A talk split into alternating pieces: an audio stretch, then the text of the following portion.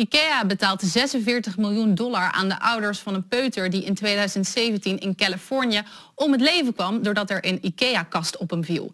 Dat meldt de Amerikaanse krant USA Today. We hebben contact met letselschadespecialist Thomas van Dijk.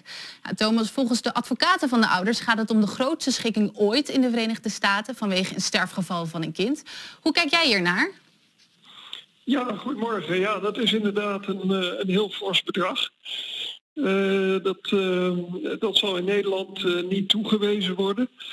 in Nederland hebben we sinds, sinds 1 januari vorig jaar de wet affectieschade en op basis daarvan wordt, worden bij overlijden bedragen van 15.000 tot 20.000 euro toegekend aan nabestaanden. Dus ja, dat zijn hele andere bedragen. Ja, dat is een flink verschil. hoe hoog is eigenlijk het hoogst uitgekeerde bedrag ooit in Nederland?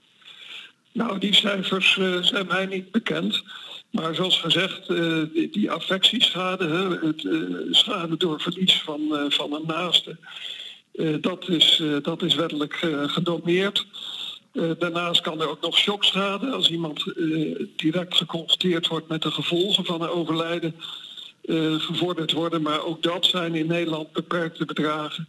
Gaat het toch ook maar om, om ja, enige tienduizenden euro's. Dus die bedragen zijn hier echt uh, substantieel lager. Ja, hoe kan dat dan, dat het Amerika de bedragen zoveel hoger liggen? Uh, nou, dat uh, zal zeker te maken hebben met uh, het feit dat je daar de, de, punitive damages hebt. Dat zijn vergoedingen, een soort, ja, soort civielrechtelijke boete die wordt opgelegd aan de aansprakelijke partij. En uh, die vergoedingen, ja, die hebben niet zozeer te maken met de daadwerkelijke schade, maar hebben ook veel meer preventief karakter om te voorkomen dat, dat dit soort dingen uh, opnieuw gebeuren. Ja. Letselschadespecialist Thomas van Dijk, dankjewel voor je toelichting.